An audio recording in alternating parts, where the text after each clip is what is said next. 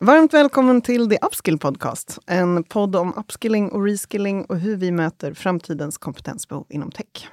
I det här avsnittet ska vi prata om lärande på jobbet och hur man gör för att det ska bli bra.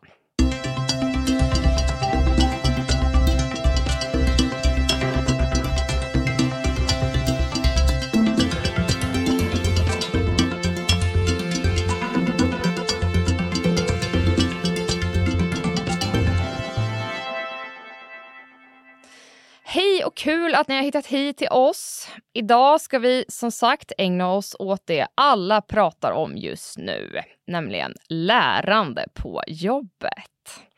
Vikten av det, värdet av det och såklart resultatet. Men framför allt, hur gör man för att det ska bli bra?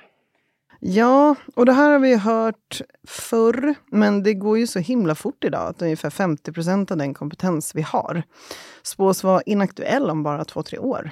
Och dessutom befinner oss vi i en situation där det fattas, ja, man har ju lite olika siffror om det här. 70 000 säger vissa, 200 000 säger andra. Men det saknas otroligt mycket folk inom tech och då pratar vi bara Sverige. Och det säger ju då lite av sig självt. Alla bolag behöver satsa på lärande. Mm. Och Det känns ju som att de allra flesta har insett det här, för alla pratar ju om det nu. Men som vi alltid säger när vi är där ute och är jobbiga och petar lite på folk, att prata om det räcker inte. Utan man behöver ju ha faktiska planer och strategier för hur man ska lyckas skapa en lärande kultur på arbetsplatsen. Ja, för enkelt är det ju inte. I så fall hade ju det redan skett. För någonstans så handlar det om att allting som involverar förändring i stor skala, så blir det ju komplext. Och då pratar vi inte bara om en stor organisation, utan liksom om människor. Och när det kommer till människor och förändring så vet vi att det finns otroligt många aspekter att fundera på. Så att utveckla en lärande kultur tar tid. Mm. Och vi som gör den här podden heter Emma och Louise och vi jobbar båda två tillsammans på The Upskill Company som jobbar med just lärande och kompetensutveckling och med att hjälpa större bolag och organisationer med upskilling och reskilling-program. Men du Louise, eh, du träffade en annan expert på det här med lärande i organisationer tidigare i veckan som vi ska få ta del av här. Precis, jag träffade Jenny Långström. Hon är Training Program Manager på Microsoft. Och det blev ett matnyttigt samtal, så det ska ni få lyssna på här.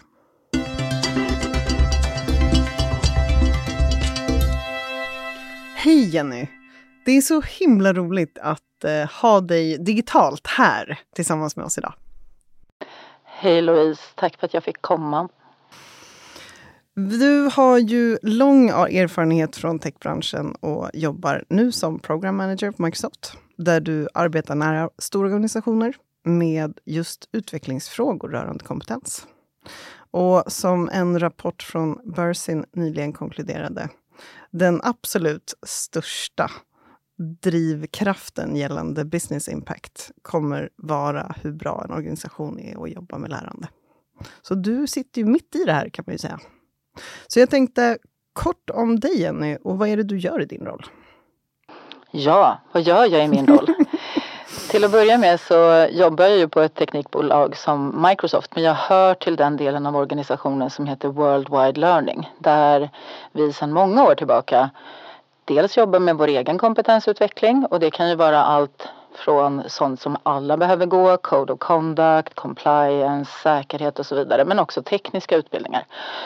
Och det är egentligen det som är avstampet till vad jag jobbar med idag. För för ungefär fem år sedan tog Microsoft fram ett program som vi kallade TSI på sant Microsoft-manér med akronymer. Tech Skills Initiative. Där alla på Microsoft oavsett roll skulle gå olika tekniska utbildningar. Och det här flög så pass bra så för tre år sedan så bestämde vi att det här programmet rullar vi ut även på våra kunder och partners. Spännande. Ja, och då uppstod också en helt ny roll, vilket vi ser hända hela tiden nu för tiden. Eh, så rollen Training Program Manager, vilken är den jag har, uppstod i och med att vi då rullar ut det här programmet och introducerar det till våra kunder. Otroligt spännande att höra. Då har vi också någon som direkt bekräftar den här idén, eller teorin om att det finns otroligt mycket roller där idag som är centrala, som knappt ens fanns för tre år sedan. Det är kul att du får sitta här i den rollen också. Ja. Mm. Vad, jag tänker direkt att du jobbar ju otroligt nära de här centrala frågorna kring lärande. Vad ser du i din roll, då som du har haft de senaste tre åren? Vad är spännande med att jobba med de här frågorna? Först och främst är det spännande tror jag, för att ingen har svaren. Mm. Utan det gör att alla är väldigt transparenta, framåtlutade, delar med sig och vill lära av varandra. Så det mm. har liksom uppstått eh, ett bra community där vi kan sitta tillsammans med kunder och eh, fnula på de här utmaningarna. Eh, men också dela med oss av vad fungerar, vad ska man kanske inte göra. Så det är ju såklart jätteroligt. Och sen så måste jag också säga i och med att du kan nästan inte öppna en enda årsredovisning eller läsa prioriteringar och core habits hos större organisationer utan att det någonstans står någonting om competence shift eh, eller best talent eller vad man nu väljer att kalla det. Så det här är ju ett fokusområde för alla branscher. Eh, och varför är det så då? Jo, för att vi ser att vi behöver vara datadrivna för att kunna vara kundfokuserade oavsett om vi säljer kläder eller bilar.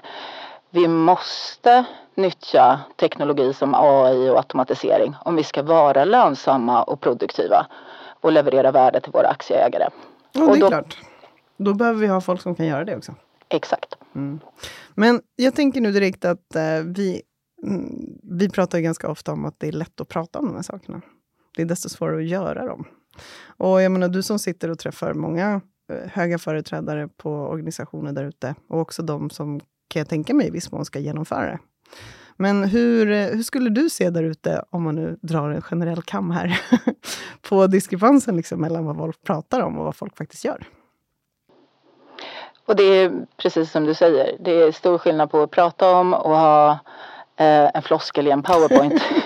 Fancy buzzwords. till att faktiskt leva som man lär. Mm. Eh, och jag har sett under de här tre åren i roll så har jag sett dels väldigt stor skillnad i mognadsgrad. Där vissa organisationer då är allt kring skilling en form av underifrån och upp verksamhet där det finns individer som vill förkovra sig, som vill utveckla sig, som vill ligga i framkant. Men det finns ingen styrning eller struktur. Och sen så har vi andra organisationer där man jobbar väldigt systematiskt med sitt competence shift. Man vet att de här talangerna går inte att hitta och om vi lyckas hitta dem så är de så dyra om vi ska lyckas locka över dem. Och där pratar vi om att när vi tittar på teknologier som AI, machine learning och så vidare så konkurrerar vi om samma kompetenser oavsett om vi bygger möbler, bilar eller gör borrar till gruvor. Ja, men det, det där är ju... Jag menar, vi springer ju på framför allt, eller där vår affär börjar handlar ju alltid om ett behov som ju grundar sig då i, i, med tanke på vad vi jobbar med, kompetensbehov. Så att prata liksom om bristyrken på olika ställen i organisationer är ju någonting som vi gör varje dag. Och mm, utan att liksom hänga ut nu, utan det här är generellt såklart. Det är väldigt få som har en plan för hur de ska jobba med det på sikt. Och jag menar, idag kan man ändå prata om att, som du säger, vi liksom kan prata moln, transformationer eller AI eller, eller security för den saken också. Det, folk vet ju där ute att, att de har behov av det. Och ändå så kan jag tycka att jag, eller jag kan bli lite förvånad över att man inte har ett mer strategiskt tänk kring just kompetensbitarna. Men om man ser till det som du jobbar med, och nu har vi sagt att ja, men man behöver kunna jobba med det här på olika nivåer och bolag. Nu gjorde du ju faktiskt inte heller någon tydlig särskiljning där på om de som jobbar med det väldigt strategiskt och uppifrån, eller om de där det finns kanske då ett mer organiskt sätt att jobba med det. Men varför är det så svårt att få till den här lärande organisationen? För som du inledde med, det här är någonting som står på allas agenda. Och långt ifrån alla har ju hittat hem i hur de ska jobba med det här. Vad beror det på tror du? Vi pausar på varför. Mm, mm, Vad jag vill komma tillbaka till är mm. någonting som är intressant. För när vi kom ut som teknikbolag för tre år sedan och började prata skilling mm. så var ju vår primära kontakt hos kunden på IT-avdelningen. Under de här åren har jag sett ett skifte där framgångsrika organisationer driver det här som en ledningsfråga. Mm. Och det ägs utav HR, precis som alla andra utbildningar. Det kan vara heta arbeten om du jobbar i en fabrik. Det kan vara säkerhet, code of conduct, compliance och så vidare. Och jag har suttit på möten där mina gamla IT-kontakter nästan har skällt på sina HR-avdelningar och sagt att varför ska vi behöva ta ansvar för de här utbildningarna bara för att det är teknik? Det här är väl lika viktigt mm. som compliance och mm. alla de andra. Mm. Och det tycker jag är lite häftigt för det är faktiskt så det är. Att det här är ju inte en IT-fråga längre. Det här handlar om organisationens framgång och överlevnad om vi ska vara rent krassa. Mm. Och krassa är ju bra att vara. Det är alltid roligare att prata om det när det blir lite mer, lite, lite mer tydliga skillnader på vad det handlar om. Precis. Men sen mm. hade du ett varför också, eller jag kanske indirekt kom in på varför. Ja, men du kom nog det, så du kan fortsätta på den. Och då var frågan varför det inte fungerar. Nej, eller varför, varför det fungerar. är svårt. Varför det är svårt. Ja. Jag tror just att det kan vara att det saknas en tydlig prioritering från ledningen. Och dels att veta vart man ska som bolag och vilka förmågor som behövs för att lyckas med den resan. Men sen någonting som vi ser återkommande och det är bara att gå till oss själva och säkert även till dig Louise. Det är ju tiden. Och om du då inte har en ledning och en organisation som uppmuntrar att du investerar tid i ditt eget lärande så är det ju, då faller det till slut på individens ansvar. Mm. Ja, och de sitter ju ofta i en helt massa andra saker. Speciellt om man jobbar då kanske nära de här bristkompetenserna eller man är en sån som är en bristkompetens själv. Mm. Det är klart att då är sällan oceaner av tid det man har mest. Mm. Och den är faktiskt, om jag bara får spinna mm. vidare på, för, för vissa organisationer är det också sådär, ja men vi tar det sen. Lite Alfons Åberg, jag ska bara. och där försöker vi vara flera då som säger att, men även om vi vet att du inte ska lyfta din applikation förrän om 12 månader så kanske du ska skapa förutsättningarna för individerna att vara trygga och bekväma när det är dags att göra det lyftet. Det ska ju liksom inte gå som två parallella aktiviteter, att man ska då kompetensutveckla sig samtidigt som man sitter och migrerar. Mm. Sant. Men vad, om man, jag, menar, jag tolkar lite som att så här, ledningsnivån, eh, ja det måste finnas ett tydligt incitament som måste gå hand i hand med den strategin eller liksom utvecklingsplan man har för organisationen i stort. Man måste ju veta vad det är för kompetenser som man saknar som man vill bygga upp. Antingen då med ny personal eller med personal som redan finns på plats. Men om du ser, eh, jag menar jag kan tänka mig direkt att alltid när man pratar om ledningsbitar så handlar det också om att föregå med gott exempel. Eh, om man inte själv visar att det här är viktiga saker så är det svårt för någon annan att liksom verkligen känna, att, känna ärligheten i att det här är viktigt. Men finns det någonting organisationsmässigt, var någonstans behöver man börja för att det ska funka? Du säger att såklart ledningsnivån behöver vara med på det. Men sen då? Hur ska man jobba med till exempel learning journeys som jag vet att ni är duktiga på att lägga upp på Microsoft?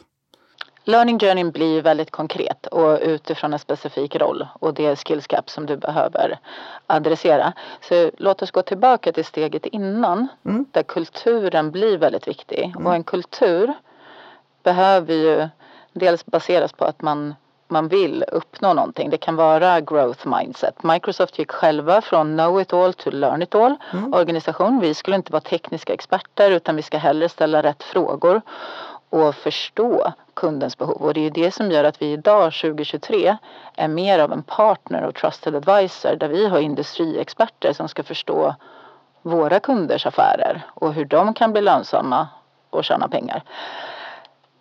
Så kulturen är ju steg nummer ett och när vi är ute och delar med oss av vår egen resa att gå från att sälja licenser var tredje år till att vara en partner så pratar vi dels om, om ledarskapet, att ha goda förebilder.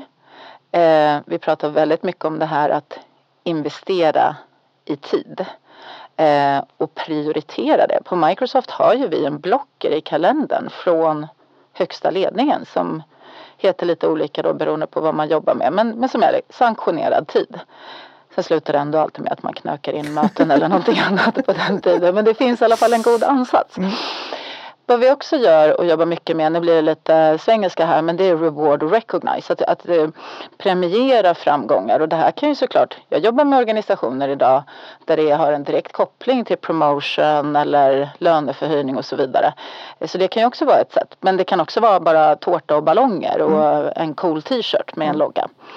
Fyra um, saker. Mm. Precis. Och sen en en annan viktig sak är själva feedbacken. För att om man vill få kvittot på att vi faktiskt har ändrat vår kultur. Då behöver vi ju vara öppna och liksom att jag ska kunna säga till dig Louise att ja, men jag gillar att jobba med dig därför att eller jag ska kunna ge dig kudos för att du hjälpte mig. Du hade gjort någonting som jag kunde återanvända i min roll. Mm. Så där jobbar vi på Microsoft kallar vi det mycket om hur man contribute to the success of others. Och det mm. visar ju också på det här att, att vara lite framåtlutad, innovativ och liksom lösa saker på nya sätt. Var det en svår förändring att få igenom? Upplevde du att det tog tid? Jag kom ju in när Satya Nadella, vår koncernchef, hade varit Eh, på plats i två år så den här resan hade ju påbörjats. Så jag kom nog in ganska bra skulle jag säga. så jag har inte varit med på den gamla tiden. Mm. Men jag har ju varit kund och partner till Microsoft. Mm. Så jag skulle säga absolut en stor förändring. Mm. Fanns det någonting som, ni kan, som du liksom kan redogöra från det som var så här, ja men här var en bra framgångsfaktor i hur man valde att jobba med nästa år? För det är ändå en jättestor förändring att få ett sånt megaföretag som Microsoft att liksom byta internt fokus från att, att som du sa, eh, bli liksom inte då en försäljare av någonting utan att bli en, en, en trusted advisor och partner för mm. stora bolag där ute. Finns det, finns det någon tydlig framgångsfaktor som ni liksom såg i det som ni också, jag gissar, jobbar med utemot era kunder idag? Men jag tror att det som vi delar med oss av när vi pratar om vår egen resa, det är ju just det här att eh, vad, vad mäts vi på? Så även roller som egentligen bär en kvota och har en budget mäts också på de här mjuka värdena. How did you contribute to the success of others? Och vad har jag själv gjort Eh, hur har jag återanvänt dina idéer? Mm. Och att vi inte bara listar exempel mm. utan alla är väldigt tränade i men vilken impact gav det då? Så om jag går tillbaka till min chef idag och säger vet ni vad, wow jag fick prata på en podd. Så är de egentligen helt ointresserade. De vill ju veta hur många träffade ni? Mm. Vad hade de för roller? Vad blir nästa steg? Mm. Spännande. Vad jag tänker om vi konstaterade liksom att kulturen är någonstans viktigast att ha på plats. Det måste finnas en, en, en ärlighet eh, och en äkthet i att det här är någonting som vi ska lägga tid på. Och att de här eh, slottarna som man har i kalendern är liksom viktiga egentligen då att prioritera för att eh, hålla uppe sitt lärande. Men om man då går därifrån till att man ändå har gjort liksom, läxan, man vet lite vad det är för roller som man behöver jobba med om vi då går in liksom på det mer konkreta med learning journeys. Eh, vad ser du som, som viktigt att ha med sig där när man börjar jobba med den typen av verktyg? Mm. Och det här är ju någonting som jag jobbar med varje dag och som är himla roligt. Och det skiljer sig också väldigt mycket beroende på vilka domäner vi jobbar med. Jag kanske jobbar på ett sätt om jag jobbar med data communityt på en biltillverkare jämfört med om jag jobbar med utvecklarna på en bank. Och det är ju dels för att de sitter i lite olika projekt och utmaningar men, men grunden är som är vårt tips i alla fall och rekommendation och vad vi ser fungerar väldigt bra hos olika organisationer. Det är att alla, oavsett om det handlar om att starta sin teknikresa eller sin kompetensresa, börjar med att göra fundamentals. Och i Microsoft-världen då så finns ju fundamentals för våra respektive plattformar. Och här direkt kan man få lite påhugg eh, från mogna organisationer som kanske har seniora arkitekter, utvecklare och andra som tycker så här, varför ska vi behöva gå fundamentals? Det är liksom under min värdighet. Varför, Louise? Det är ju det som du var inne på i introt. Eh, teknikskiftet går fort. Vi pratar om att cloud är ständig förändring. Även vi på Microsoft har jämnt skägg, fulla muggar, vad säger man? eh, att hålla oss uppdaterade. Mm. Så att även om du har jobbat med Azure i många, många år så kan det vara bra att göra den här fundamentals Kanske inte för att få grunderna i cloud computing, för de kan du säkert redan. Men för att få uppdateringar kring security, compliance, governance, men inte minst kost och vad som driver mm. det. Och här kommer vi till det viktiga, för att om alla börjar sin resa med en fundamentals i training journeyn, learning journeyn, då har man ju en gemensam grund och då har man en gemensam förståelse och en gemensam taxonomi, vilket kommer underlätta mycket mer. Men sen har vi en annan viktig grej med fundamentals, det är ju också att du vet ju inte vad du behöver veta förrän du inte vet vad Exakt. du saknar. och gör man en fundamentals så kommer man ju ganska snabbt på att jag kan ju ingenting om det här, här behöver jag djupdyka. Så jag skulle mm. säga att den är en bra start även för att fortsätta bygga learning journey. Ja, det där tycker jag är superintressant för att man blir ju också väldigt färgad av den organisationen man jobbar i. Så att om, om du just liksom bolag A har jobbat med, säg då Cloud och Azure, bara för att säga någonting, så är det ju ofta det du kan och det du liksom har din aktiva kunskap i kommer ju vara det som ni använder där. Och ska man utnyttja en plattform i dess fulla eh, bemärkelse, liksom, då måste du ju veta om alla saker som ni inte använder idag för att veta om det är någonting som ni faktiskt kommer bli hjälpta av. Precis. Så det handlar ju också om att lära sig verktygen, eller då i ert form plattformarna liksom, eller tjänsterna som faktiskt finns och vad, hur de har utvecklats. För det behöver inte du i din lilla kontext ha någon koll på. Nej men precis. Mm. Och här kommer vi också in på att Fundamentals är ju inte bara för tekniker utan det är ju från allt från egentligen inköp och jurister som behöver förstå vad ska vi skriva för avtal till kravställare, beställare, chefer som ska sitta med de här teamen. Mm. Så Fundamentals är ju en väldigt bra grund. Mm. Men sen som sagt kan ju den här learning journeyn fortsätta då med rollbaserade utbildningar med, med eller utan certifieringar. Vissa organisationer börjar ju titta på och ställa krav på certifieringar. Mm. Och egentligen är väl det ganska rimligt. Om jag, om jag får raljera så har ju IT många år varit sådär man får kladda runt lite som man vill. det, det där är liksom, nej men IT sa att det där funkar inte eller så. Alla har ju liksom haft svårt, det är lite som att gå till bilverkstaden, man vet mm. egentligen inte man, om det var något fel mm. någonstans. Någon och, bytte något och det var något nytt här. Och, ja, ja lite så. Något filter. Medan om vi tittar, vi jämför med flyget eller med sjukvården så det är ju få piloter eller kirurger som har kollat en tutorial på Youtube och, och sen får ställa sig och operera. Mm. Och om vi nu tittar på hur stora värden IT handlar om, det är bara att titta i tidningarna nu med alla cyberattacker och, och annat som är, så förstår vi ju att vi behöver ju börja verifiera vår kompetens. Att det inte sitter vem som helst och kladdar runt i mm. de här miljöerna som kan orsaka incidenter, faktiskt dödsfall om det skulle vara så. Ehm, utan att man faktiskt kan visa upp sitt körkort. Mm. Tillbaka till funderingar om man ska ha krav på certifieringar. Mm. Nej, men det där är jätteintressant. Och jag tänker också att det blir ju, med tanke på att eh, IT, alltså vi springer ju ofta på någonstans eh, att IT har varit tidigare en sån isolerad del. Just det där om man liksom målar upp bilden av de som sitter längst ner i huset, liksom, som ingen riktigt vågar sig ner till. Um, till att just som du säger bli så otroligt affärsdrivande. Jag menar, vilket bolag idag är inte ett IT-bolag på ett eller annat sätt? Nej men det där är så roligt. Nu, nu refererar jag till Microsoft igen. Men Satya Nadella sa för ganska många år sedan Every company is a software company. Och faktum är att det är ju precis så idag. Mm. Tillbaka till också att vi konkurrerar om samma typ av kompetenser. Mm. Ja men och det där med kompetens ligger såklart oss väldigt varmt om hjärtat. Och jag tycker alltid att det är lika intressant när vi pratar om att vi behöver ha lärandekulturer på jobb idag. Eh, bolag som vill vara innovativa och som vill driva utveckling framåt behöver ju verkligen vara det. Och det någonstans kommer tillbaka till att det är inte några robotar som kommer göra det här, utan det är ju faktiskt människor. Så någonstans så hamnar vi alltid i kärnfrågan att så här, vad är det för människor vi plockar in? Och på vilka, på vilka premisser gör vi det?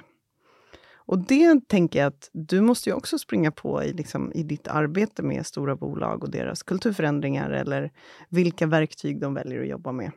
Att, här, hur, hur tar man det ett steg till? Att hur får vi in folk som också vill lära sig? För det är ingenting man kan tvinga någon. Du kan inte tvinga in någon att bara säga nu ska du bli nyfiken och vilja lära dig massa nya saker. Det måste man ju ha med sig redan när man plockar in någon. Och där tror jag att ni ligger lite i framkant. Jag tror inte alla riktigt eh, har förstått konsekvenserna av det här skiftet och då pratar jag både om bolag och om individer.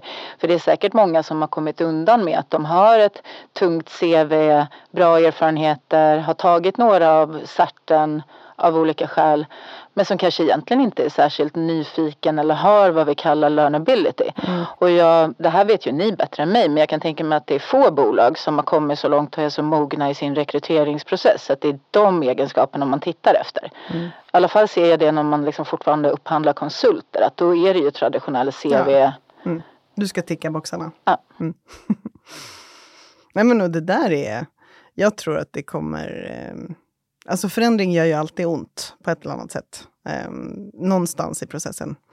Men jag tror att det stora skiftet när det kommer till att bolag där ute behöver fundera på vad det är för kvalitet de letar efter när de anställer folk. Om man nu vill, för jag menar det här blir så mycket och nu blir jag evangelist igen. Liksom, men, men vill man framtidssäkra sin verksamhet med tanke på att vi inte vet vad det är för behov och krav som kommer finnas om tre år, säg. Eller fem år. Absolut inte om tio år.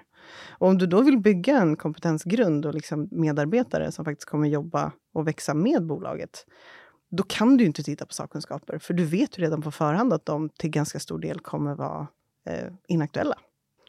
Och det är ändå så konstigt att så många baserar sin rekryteringsprocess på att titta på just det. Helt enig. Och om vi nu får hoppas att lite politiker lyssnar på den här podden, om inte annat får ni göra reklam för det, så börjar väl allt det här redan i skolan. Mm.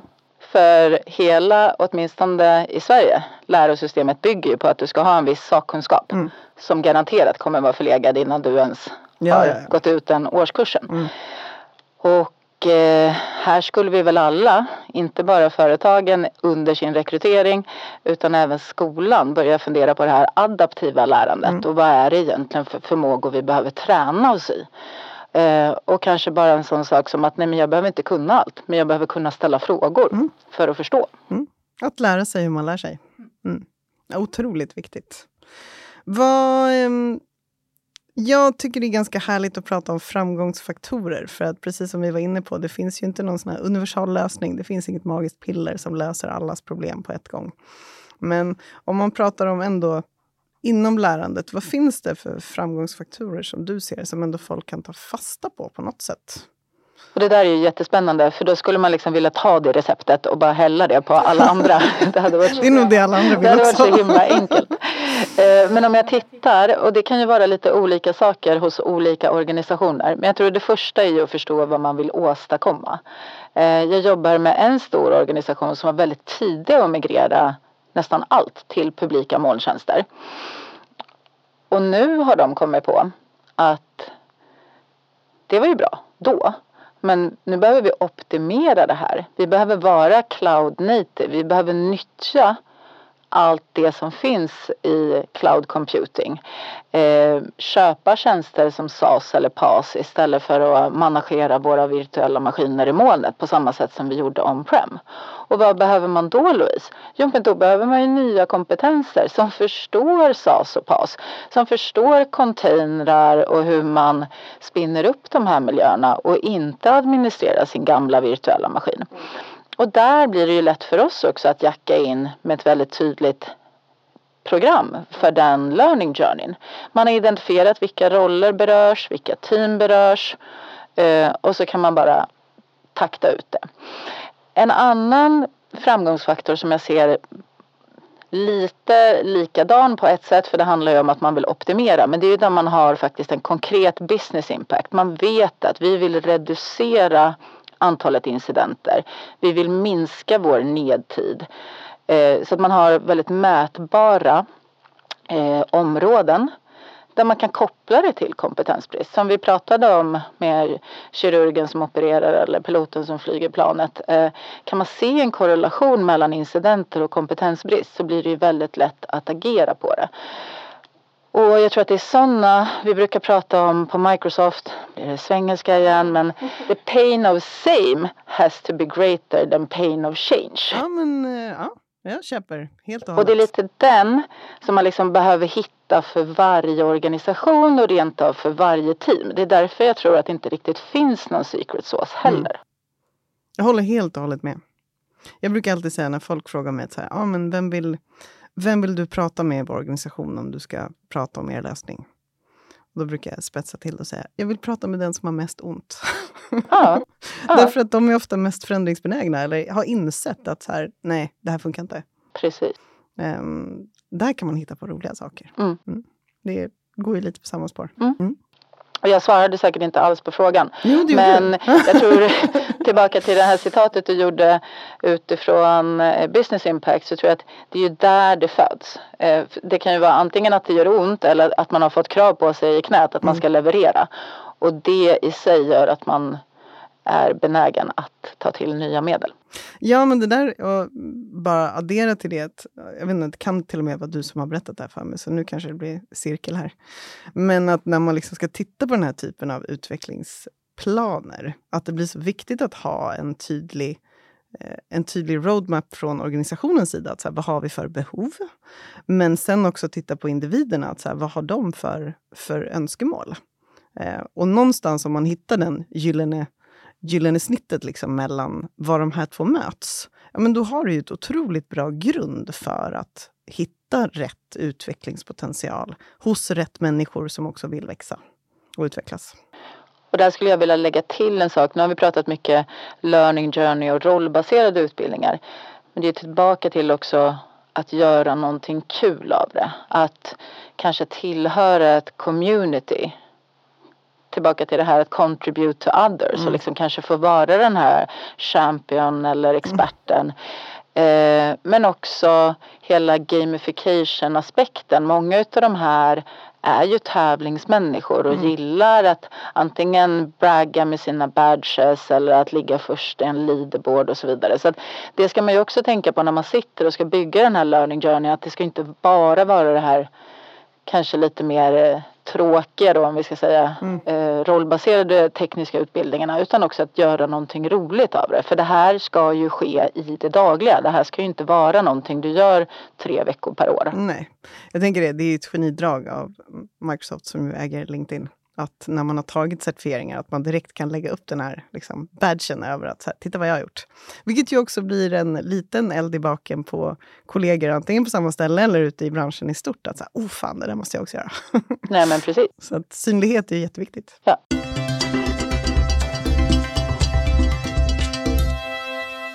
Som vanligt Jenny så är det otroligt spännande att prata med dig. Det känns som att vi kunde sitta här ett par timmar till. Men jag tänkte att eh, vi har pratat om så himla mycket spännande saker. Vad, om du ska sammanfatta lite det vi har sagt. Vad, vad tänker du att vi ska dra för stora kort från det här?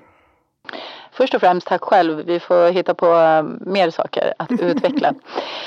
Om vi ska försöka sammanfatta det så handlar det väl först och främst om att kanske förstå sitt syfte och mål. Vad, vad är det för någonting man vill åstadkomma som organisation? För det är ju då det går att bygga de här planerna utifrån vad är det för roller vi behöver? Vad ska de rollerna göra på dagarna?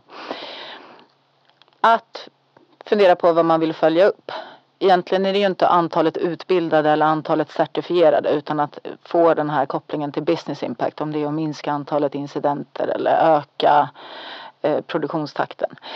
Premiera och fira och då tänker jag inte bara individen som har tagit den här certifieringen utan tårtor och ballonger. Eh, man kanske har ambassadörer och goda förebilder även bland ledare. Men sen inte minst fundera över det här i det dagliga. Eh, dels tiden så att man ska kunna förkovra sig och vidareutveckla sig. Men även som eh, rekryterande chef eller som HR-avdelning fundera på vad är det för förmågor vi behöver för framtiden? Ska vi sluta titta på högskolepoäng och CV och tidigare erfarenheter och istället knäcka nöten kring nyfikenhet och andra egenskaper som är viktiga för framtiden? Otroligt bra sammanfattat. Och min sista lilla, lilla punkt på den här får också bli till alla chefer och folk i ledningspositionen där ute att föregå med gott exempel. Eh, var tydliga och öppna med vad du behöver liksom lära dig mer av och visa att du också gör den typen av utvecklingssprång. Det får vara det för idag. Tack så himla mycket för att du ville vara med oss här idag, Jenny. Tack Louise, alltid lika trevligt.